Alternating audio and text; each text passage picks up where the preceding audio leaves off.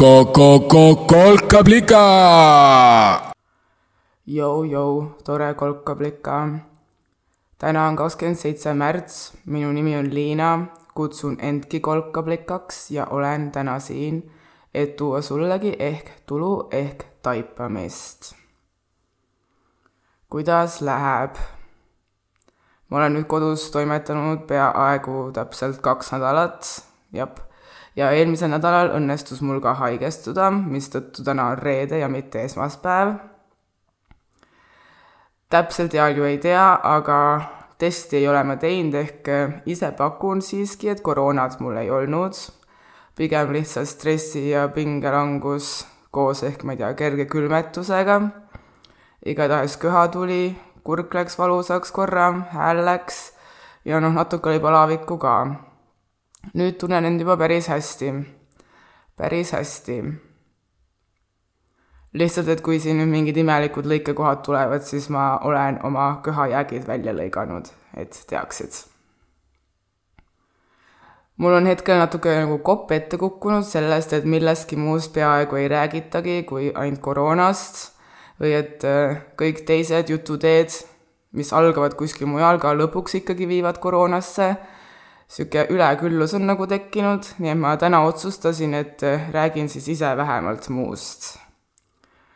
no eks ta kaudselt ikka on koroonaga seotud, sest noh, kaudselt on kõik teemad koroonaga seotud praegu. aga ma tahan siis rääkida täna kehaga seotud teemadest, kehalisusest. paar nädalat enne vabatahtlikku koju jäämist äh, kuulsin ma ühest töös olevast kunstiprojektist kunstniku äh, kunstiprojekti taga huvitasid naiste arvamused nende endi kehadest, nende naiste kehapilt. kehapilt on siis inimese ettekujutus oma kehast, mulje, mis ei pruugi vastata tegelikkusele, eks ole. ja kunstnik siis kunstiprojekti taga oli otsustanud eeldada, et meil kõigil on oma kehade juures midagi, mida me raudselt vihkame, üldse ei salli ja et samamoodi on meil kõigil ka midagi, mis meil oma keha juures väga meeldib. nii ta siis palus erinevatel naistel oma kogemust oma kehapildist temaga jagada, pildistades üles nende naiste nii meeldivad kui ka ebameeldivad kehaosad ja teose nimi, nimi oligi Teema kehapilt.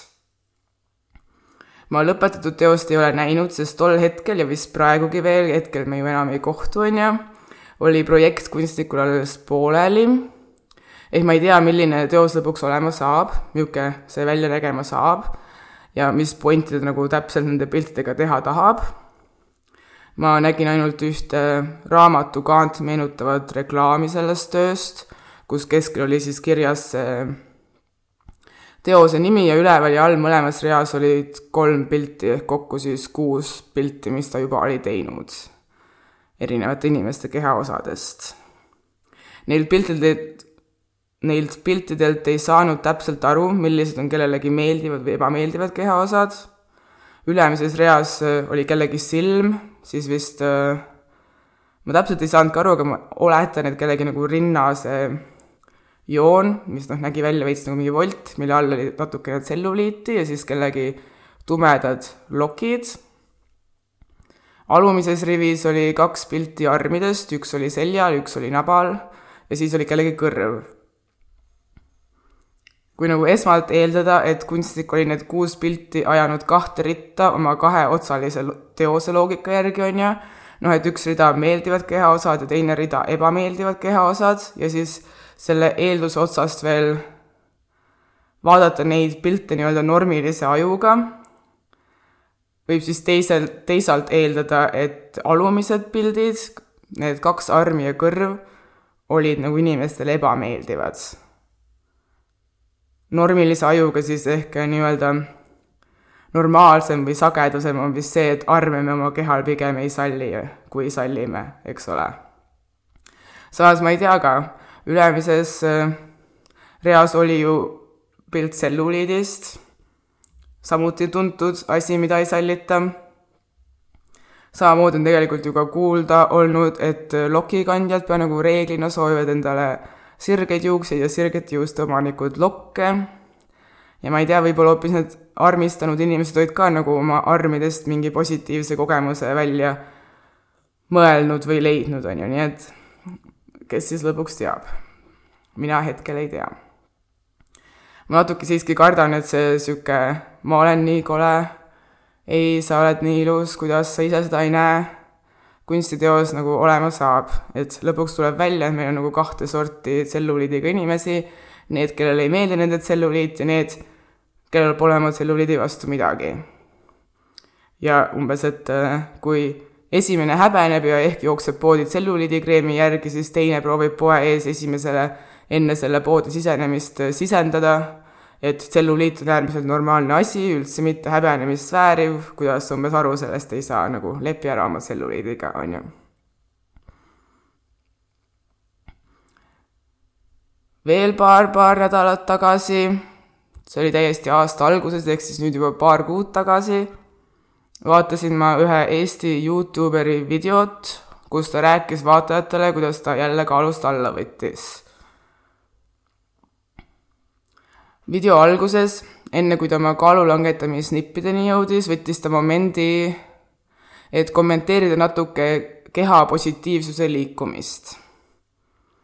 Ta rääkis, kuidas nagu saab aru küll, et peaksime kõik armastama oma keha just nimelt sellisena, nagu see meil praegu on, aga tunneb end keha positiivsuse liikumises natuke nagu häirituna, sest mis siis, kui saledam olemine, kaalus allavõtmine tekitabki just tas selle hea tunde, mida keha, keha positiivsuse liikumine nagu unistab, et me kõik tunneksime, et kas ta teeb siis midagi valesti, kui ei suuda nii-öelda oma pekke positiivseks mõelda ja arvab, et kergem oleks tal positiivne olla kergemana, on ju. ja et tal on tunne, et keha positiivsuse liikumise esindajad tihti nagu juubeldavad üksnes kaalu tõstjaid ja hoidjaid ning nagu vaatavad viltu või teevad isegi maha siis kaalu langetajaid. noh, kokkuvõtvalt jäi nagu mulje, et ta kartis, et ta videole lendavad peale mingi need keha positiivsuse umbes lipu kaaperd-, kaaperdanud sõdurid, kes kommentaariumis siis võtavad õiguse tulla targutama, kuidas tema peaks eh, oma kehaga tegelema. võttes siis ilmselt ma kujutan ette nagu põhjenduseks selle, kuidas seda vaatavad, ma ei tea, teismelised tüdrukud, kelle kehapilt on alles kujunemas ja kuidas ta jätab neile teismelistele tüdrukutele mulje, et ainult sale ongi okei okay olla ja et tegelikult see nagu ei ole okei okay,, on ju ma seal kommentaariumis ei käinud vaatamas, kas need sõdurid siis ka kohale sõudsid. aga mulle jäi see video algus äh, erksalt meelde, sest äh, ma olen ise nagu sarnase dilemma ees olnud. Kas sundida end armuma oma pekki, keda pole nagu kunagi armastanud, sest keha positiivsuse idee tundub nagu lahe ja põgusal pilgul ilmselt nende sõdurite tõttu siis tundub, et üksnes oma pekiga sundviisiliselt leppides saangi nagu olla keha positiivne, on ju või öö, öelda siis armsalt oma kallile Pekile, et meil on tore olnud, aga nüüd on sul aeg minna. sest mul on vaja kergemana tunda, jah, kergema tundega sukelduda nagu sellesse arusaamisse, mis see keha positiivsuse liikumine päriselt saavutada tahab, et siis sellele saavutamisele kaasa aidata äh, Pekita et mis mõtet on keha positiivsuse liikumisel, mille põhisõnum on, et kõik on ära teeninud võimalus oma keha väärtustada, kui mõned selle liikumise kuulutajad sind nagu sinu keha pudutavate otsuste pärast potentsiaalselt sõimavad tulevad, on ju. Nüüd peaaegu tuli köha. ses suhtes oli sellel Youtuberil õigus, jah, me võiksimegi kõik tunda end oma kehades hästi, ükskõik millised need kehad siis ka praegu on või millised nad välja näevad. võiks olla nii, et kui sul on kaks jalga ja pool kätt, et sa ei peaks tundma end selle pärast kuidagi koledamana või ebaatraktiivsema, ebaatraktiivsema, ebaatraktiivsemana. Ehm, kui ma ei tea, nii-öelda kõikide juppidega keha või võiks olla nii, et vahet pole, mis värvi on su nahk või kui palju on sul arme või kui palju sa kaalud või mida näitab mõõdulint ümber su kõhu või randme. see aga ei tähenda, et tuleb oma nagu kondi või peki külge iga hinna eest klammerduda, kui klammerdumine on tegelikult väsitav ja sul on võimsuses nagu midagi enda juures ka muuta, mis siis tooks selle kergema, parema tunde. ja ma arvan, et see nagu see teine osa, see, et see ei tähenda seda, et sa pead oma pekki ära arvama, kui sa seda üldse armastada ei suuda, on olnud ka keha positiivsuse liikumise nagu üks ideid. ma ei tea, mulle näiteks meeldib mõelda oma kehast kui oma kodust. Mingis mõttes ta nagu ongi mu kodu ju. see füüsiline ruum, mille sees ma iseend tajun olevat. ja kui kodu on koht, kus võiksime tunda end mugavalt, turvaliselt ja hästi, siis võiks ju tunda sama oma keha kohta oma kehas olemise kohta, et olen kodus. olen kodus ükskõik, kus ma olen. mul on siin kehas tore ja mugav. See on niisugune ideaal. samas ei tähenda, et me peame nagu kõigega leppima, mis seal kodus toimub, on ju. me teame ju küll, et on nagu, ma ei tea, palju inimesi, kelle kodud ei ole need mugavad turvalised kohad, kus olemine on lihtne ja kerge ja tore ja lillepidu ja et paljudel isegi ei ole kodusid näiteks. Neile inimestele, ma ei tea, näiteks kui on tegemist äh, koduvägivallaga, ei tohiks me ju ka öelda, et Kleemis põed, lepi oma olukorraga, see ongi sinu olemine, küll leppimine haavad umbes parandab. et küll hakkama saab, siis ju ikka pigem ütleme ka, et Klee, tule appi. et Klee, tule ära, ära lepi, et nagu sellise asjaga ei tohikski leppida üldse. et leiame uue kodu ja noh, keha päris vahetada või uut leida ei saa, umbes nagu majakujulise koduga, on ju, aga noh, igast asju sellega saab siiski teha ju küll, et enesetunne paremaks saab, saaks. ma ei tea, võib-olla on vaja kapitaalremonti teha või ümber- või juurdeehitust, on ju, võib-olla piisab ka suuremast või väiksemast kodukujundusaktsioonist, igatahes ma arvan, et seda teha, et end oma kehas hästi tunneks on minu arust jumala okei okay.. seda tulebki teha, kui on vajadus, tulebki teha. Keha positiivsuse liikumine sündiski ju tegelikult soovist tuua positiivset tähelepanu kehadele, üldiselt äh, kehadele, mis üldiselt üldsuses saavad nagu mingil põhjusel kas siis negatiivset tähelepanu või ei saa üldse mingit tähelepanu umbes nagu oleks vaiba alla peitu lükatud, eest ära. jättes mulje, et neid peaaegu nagu ei olekski olemas, on ju. Et noh, põhimõtteliselt tuua siis positiivset tähelepanu margini-, marginaliseeritud kehadele. näiteks puudega kehad. mingis muus mõttes ebastandardsed kehad. näiteks äh, karvased kehad sealhulgas ka jah, paksud kehad sest paksudele kehadele vaadatakse ju ka siiamaani viltu. mõeldakse, et inimene paksu keha sees on laisk või ebatervislik või et paks keha niisama on lihtsalt kuidagi jõle või õudne või kole. idee oli näidata, õpetada, et paks ei võrdu automaatselt ebatervislikkusega et puudega keha on samamoodi nagu puudeta keha väga okei keha, milles täisväärtuslikku elu saab elada. et erinevad värvid on lihtsalt erinevad värvid ja muud midagi. Või siis näiteks transsooliste inimeste kehad. et esiteks neil on õigus muuta oma keha oma enesetundele vastavaks, teha nii-öelda tervema kehapildi eesmärgil see ümberjuurdeehitus või kapitaalremont ja et nad ei vääri selle pärast hukkamõistu või häbistamist. kui keegi, ma ei tea, oma päris kodule, sellele majakujulisele kodule umbes kolm tuba juurde ehitab, me ju üldiselt mõtleme, et äh, näe, edukas tehtud inimene. Et miks me ei võiks siis sama mõelda ka näiteks transsooliste kehadega seoses. minu arust on keha positiivsuse liikumise kõige olulisem sõnum just nimelt see, et esiteks mul ei tohiks olla õigust öelda miskit selle kohta, kuidas sina peaksid välja nägema või mida sa peaksid oma keha kohta tundma. oled paks ja sulle meeldib, davai. Tahad kõhnaks saada, saa kõhnaks, davai. ei tunne, et sul on õige keha, vaatame, kuidas seda õiget tunnet saavutada annab. sulle meeldivad su üheksa sõrme, mulle ka. teiseks, lisaks sellele, et mul ei tohiks olla õigust, minu arust ei tohiks mul nagu olla ka tegelikult tahtmist sulle öelda, kuidas sina peaksid välja nägema.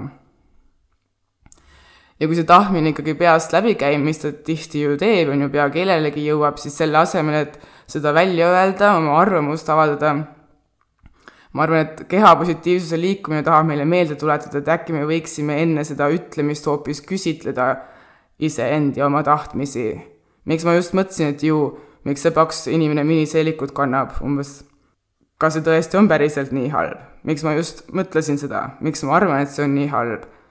Kas mind tõesti, tõesti nii väga häirib see? kas ma ise tahaks võimalust miniseelikut kanda, kui mul natuke suurem oleks? kust see tuleb, et mul on niisugused mõtted ja tunded? kas saaks kuidagi teisiti äkki?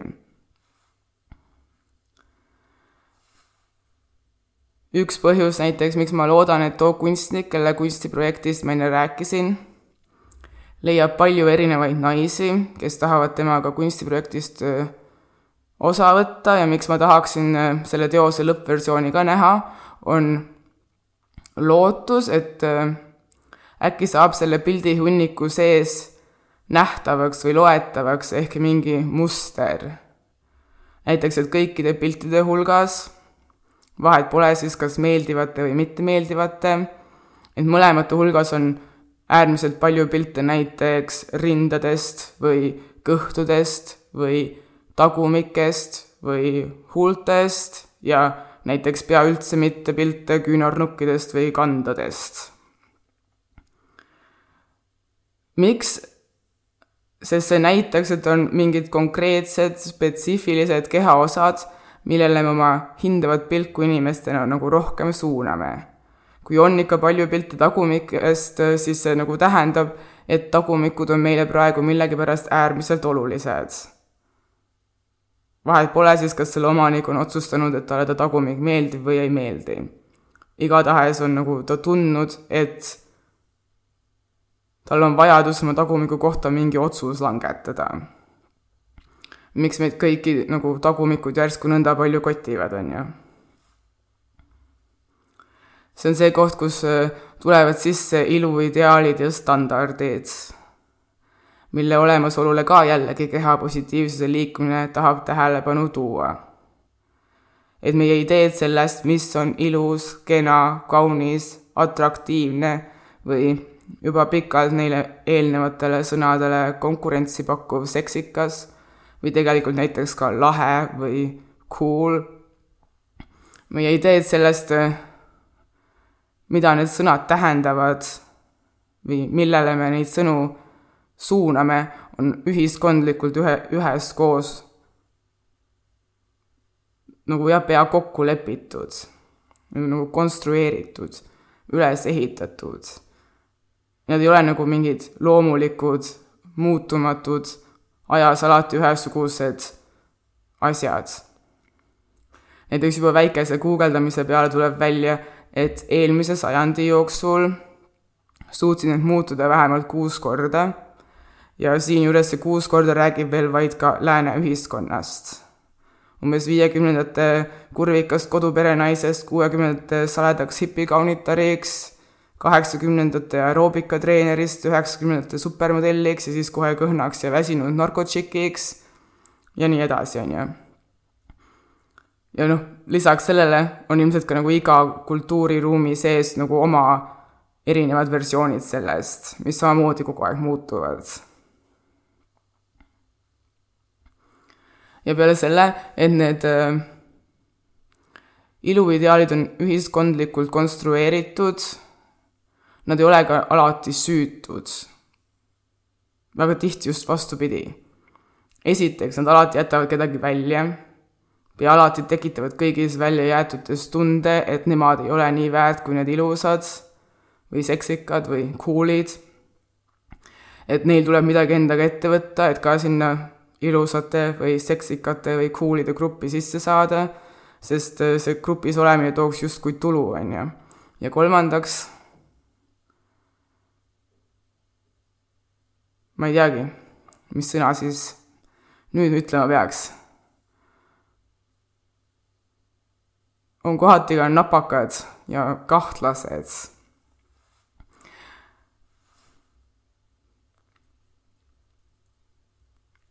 näiteks võtame selle tagumiku trendi, on ju.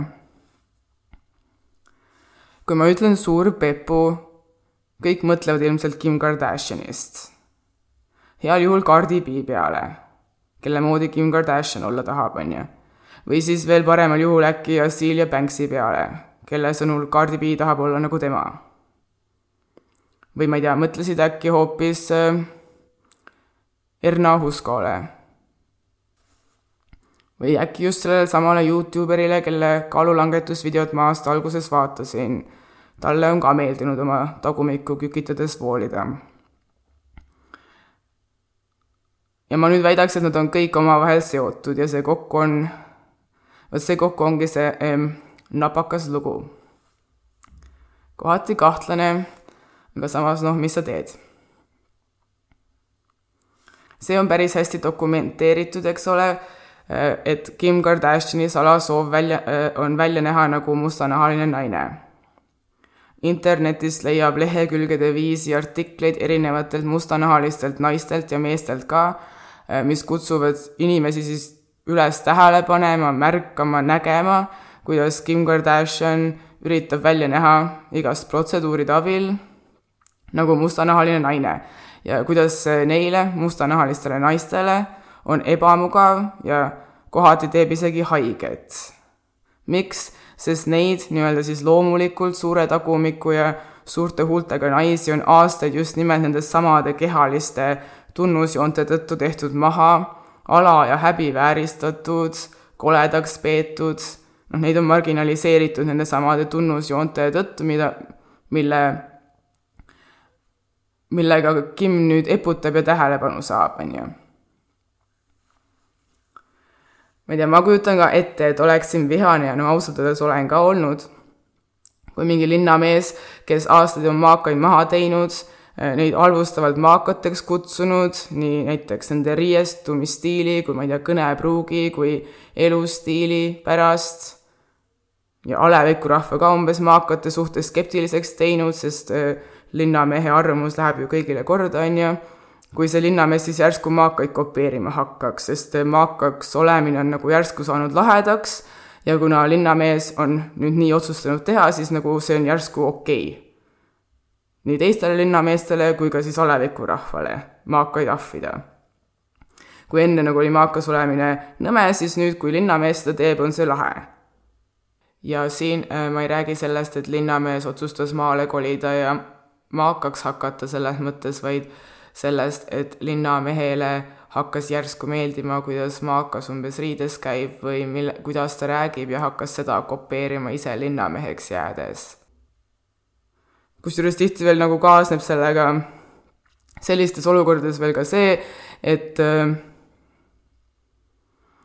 see linnamees maakakultuuri kopeerides teenib selle pealt raha, millest sentigi see maakas ei saa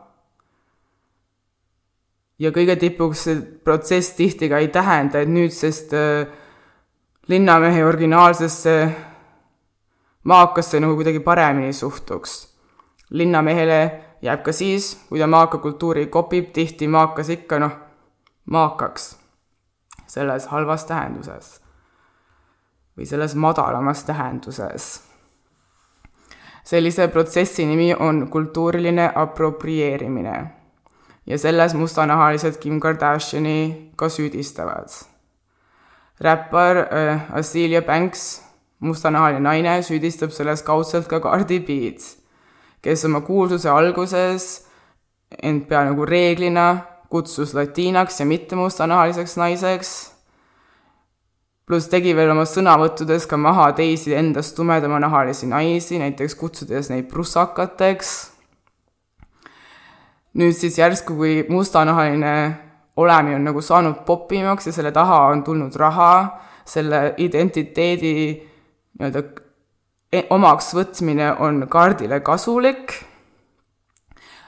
Asilia süüdistab, et nüüd siis nagu pärast seda, kui see on kasulikuks saanud, on Cardi B järsku võtnud endale selle mustanahalise naise tiitli külge, kui, kui nagu enne tundus, et ta ei tahtnud mustanahalise naise identiteeti endale, on ju. noh, eks inimesed muidugi võivad ka muutuda ja targemaks saada, aga noh, Assilia Banksi ajas see väga närvi. ja tal olid päris sabavad punktid, pointid ka igatahes, kus siis tulevad siia sisse need kükivoolijad. Siit läheb minu arust asi nagu eriti põnevaks. sest kui Kim Kardashini ja Kylie Jenneri või noh, isegi Cardi B puhul on kõigile ilmselge, et nende tagumikud ja kahe esimese puhul ka nende huuled on suurenenud teatud süstide tõttu või tänu teatud süstidele, siis minu arust väga kavala krutski on selle kultuurilisest aproprieerimisest pihta alanud tagumikutrendile peale keeranud just nimelt need kükivoolijad, kes üldjuhul on kuulsamad neist vähemalt ja noh, meil Eestis niikuinii heledanahksed ja seega tihti nii-öelda loomu poolest ka üpris lamedatakumikulised, on ju võttes arvesse seda, kui suure hoolega Kim Kardashian ja paljud teised kuulsused ka endiselt väidavad, et nemad ei ole ühtki ilusüsti või lõikust oma kehakuju muutmiseks tarvitanud ega teinud, võib ju järeldada, et ilukirurg, ilukirurgiliselt oma keha muutmine on üldsuse silmis endiselt häbiasi. nii häbiasi, et parem on valetada ja öelda, et olen kogu aeg niisugune olnud, kui noh, tegelikult on ilmselge, et ei ole. ja siis tekib küsimus, et mida siis teha, kui tahad ka suurt peput, nagu praegu moes on, aga tahad olla ka nii-öelda loomulik, sest mitteloomuliku tee valimine noh, sa muutuksid automaatselt põlatuks, on ju. ja siin tulevadki need kükivoolijad sisse. väga kavalalt tuli keegi neist, keda siis teised, ma arvan, järgima hakkasid. noh, nagu trendid ju töötavad, on ju, keegi neist tuli selle peale, et lameda pepu saab ju suureks ka trenni tehes, kükitades. ja et selle kükitamisega kaasneb veel see eriline imetlus nagu kõige tipuks, sest äh, kõige tipuks nad nagu võidavad kõige tublima auhinna tubliduses, sest kükitaja pepu ei ole ju rasva täis ehk kükitaja ei saa olla ebatervislik laiskloom, nagu normitud aju arvab, et loomulikult suurte ehk rasvaste tagumikega inimesed on, on ju. vastupidi, kükivoolija musklist tagumik on parem, sest kükitaja on tervislik, tegeleb trenniga, on tubli, aktiivselt iga päev kükitab. ja siis, kui tema nagu promob seda oma suurt tagumikku ja selle voolimist teeb ta, teeb ta nagu kaudselt tervele maailmale heateo, sest äh, noh, keegi, sest äh, noh, keegi, kes julgustab teisi tervislikku elu elama, trenni tegema, teda ju saab üksnes ainult kiita. noomida või siis, ma ei tea, küsitleda on nagu kahtlasem kohe. kuigi nagu samal ajal, kui me mõtleme, et algne suur tagumik ei olnud musklis, nad nagu jälle kord vähendavad selle algse suure tagumiku väärtust, sest see on, ma ei tea, rasvane. Versus siis musklis tervislik treenitud tagumik. ehk mingis mõttes hakkab nagu see ring, kus kehapositiivsust on vaja uuesti pihta see oli nüüd äh, minu sihuke vandenõu teoorialik ehk ähm, tagumikutrendi genealoogia. see oli sihuke lõbus lugu, mul tuleb tegelikult muidugi öelda siin kohe, et mul ei ole tegelikult nende kükivoolijate vastu midagi. arvestades, et nende, neist paljude eesmärk tundub oma kükivoolimisega tegeledes olevat oma saavutuste ja oma teoste näitamine, on ju, siis mingis mõttes nad ju täitsa meenutavad nii-öelda tavalist kunstnikku, skulptorit.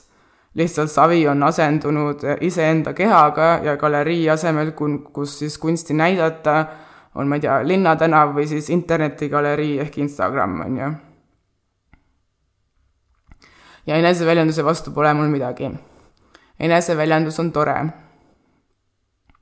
samuti neist edukamad äh, tunduvad oma kunsti eest ju ka raha teenivat ja veel isegi päris hästi ja noh, kunstide ees, kunsti eest raha teenida on äh, täna päris raske, nii et äh, selle üle saab ju ka ainult rõõmustada, kui keegi selle eest raha saab. ainus asi, kui nagu vaadata neid kükivoolijaid kui kunstnikke, mille üle ma kunstnikpublikuna siis ehk natuke viriseks, on see, et äh, nende kunstiteosed on kõik lõpuks nagu väga sarnased ja nagu asi läheb nagu natuke igavaks. ma ei tea, originaalsusest jääb puudu. samas, siin võib muidugi kohe ka küsida, kas originaalsus on kunsti puhul üldse oluline. ma ei tea. ma siis vist lõpuks võtaks selle positsiooni, et kui ei meeldi, siis vaata mujale ja nii ma tegelikult üldjuhul helistangi teps teistsugust kunsti mulle pakub äh, pinget natuke niisugune põnevam kunst, põnevate mõttekäikudega kunst. kui kunst äh, õpetab või tekitab ahaa või ohoo või ee, mis asja, momendi niisugune kunst, mis nagu paneb ajurakud tööle. aga noh, eks see on ka lõpuks maitse asi, on ju mulle ka kusjuures tegelikult pakuti osalemist selles kunstiprojektis, millest ma kõige alguses rääkisin, kehapildist, aga ma toona kehitasin õlgu ja lasin kutsel endast mööduda, peamiselt vist muidugi seepärast, et no ma ütlesin, kõik teed viivad koroonasse, koroonaviirus võttis mul järjest äh, rohkem ruumi mõtetes, kuid eks tegelikult ka sestap, et pärast aastaid eneseharimist ja enda küsitlemist ja kuulamist ja endaga vestlemist, siis mul nagu pole enam õrna aimugi, mis kehaosa või jupp mu kehas saaks selles äh, minu lemmikkehaosad meeldimise järgi järjestatud nimekirjas viimase koha. mul on paigas ainult mu nimekirja ülemine ots teisel kohal, nagu ehk mäletad, on mu naba. ja seal kõik see tipus olev kehaosa ei ole ka tegelikult nõnda estetiseeritav, pildiks tehtav, nagu kunstniku stiil sellel plakatlikul teose reklaamil näis olevat. mu lemmikkehaosale number üks ei saa fotokaameraga ligi pilti saab tast teha küll, aga selleks on vaja palju keerulisemat kaamerat ja ilmselt tuleks minna ka haiglasse, kuhu meil praegu ju niisama ei soovitata minna ja noh, tegelikult ilmselt sinna masinasse mind ka ei lastaks, kui mul midagi nii-öelda päriselt viga ei ole. ma ei tea. mul on praegu niisugune kelmikas tuju temperatuuri tõusust just maandununa ja kuna ma eeldan, et meil kõigil on kodus natukene aega nuputamiseks, ma mõtlen, et äkki teeks äh, väikse raadioviktoriini. mis sa arvad? ülesanne oleks siis ära arvata, mis on minu lemmikkehaosa number üks. mis on Liina lemmikkehaosa number üks? ma annaks võitjatele ka auhinna jah, auhinna saaks kõik, kes õigesti vastavad. saad pihta, saad ka auhinna, mingit loosimist või asja ei ole. ja auhinnaks äh, las ma mõtlen. ma joonistan kõigile mingi kunstiteose, mis kuidagi seostub mu äh, lemmikkehaosaga number üks ja siis ka selle jutuga, mida ma täna rääkinud olen. okei okay kuidas kõlab? lisaauhinnaks võite ka endale, enda lemmik kehaosaks number üks sellesama kehaosa kuulutada. sest eks ma tegelikult osati olen ka otsustanud just nimelt selle kehaosa kasuks, et oma mõtted ülejäänud keha hindamiselt mujale viia. nii et kas oled valmis? ma võin anda ka vihje. Ühe vihje ma juba andsin, mu lemmikkeha osast ei saa fotokaameraga pilti teha. selleks on vaja mingit teist masinat ja loodetavasti mitte kunagi mitte keegi seda kehaosa ka päriselt ei näe. ja teiseks vihjeks hmm., kui me, mina ja sina, selle kehaosa omavahel ära vahetaksime, ma tunneksin ja mõtleksin nagu sina ja vastupidi ka, sa tunneks ja mõtleks nagu mina. see oli teine vihje ja see muide, see, et selle keha osata ma ei oleks mina, sina ei oleks sina, meie ei oleks meie, see on ka üks põhjustest, miks ta mu lemmik on. nii et, kas oled valmis? kas ragistame ajusid? Mis on Liina lemmikkeha osa number üks? vastuse võid saata mulle meilile. vastuseid võib saata muidugi igavesti, aga auhinna saamiseks võiks see jõuda minu postkasti enne teist esmaspäeva, ehk siis enne kuuendat aprilli, kuues aprill sealhulgas. ja meili leiab nagu ikka mu kodukalt www.kolkablika.ee. ma olen väga põnevil. see vastus on ehk ebatraditsiooniline, aga tegelikult päris lihtne jään su arvamust ootama. ja seni kuulmiseni, kuulmiseni järgmisel teisel esmaspäeval. XO, XO, Liina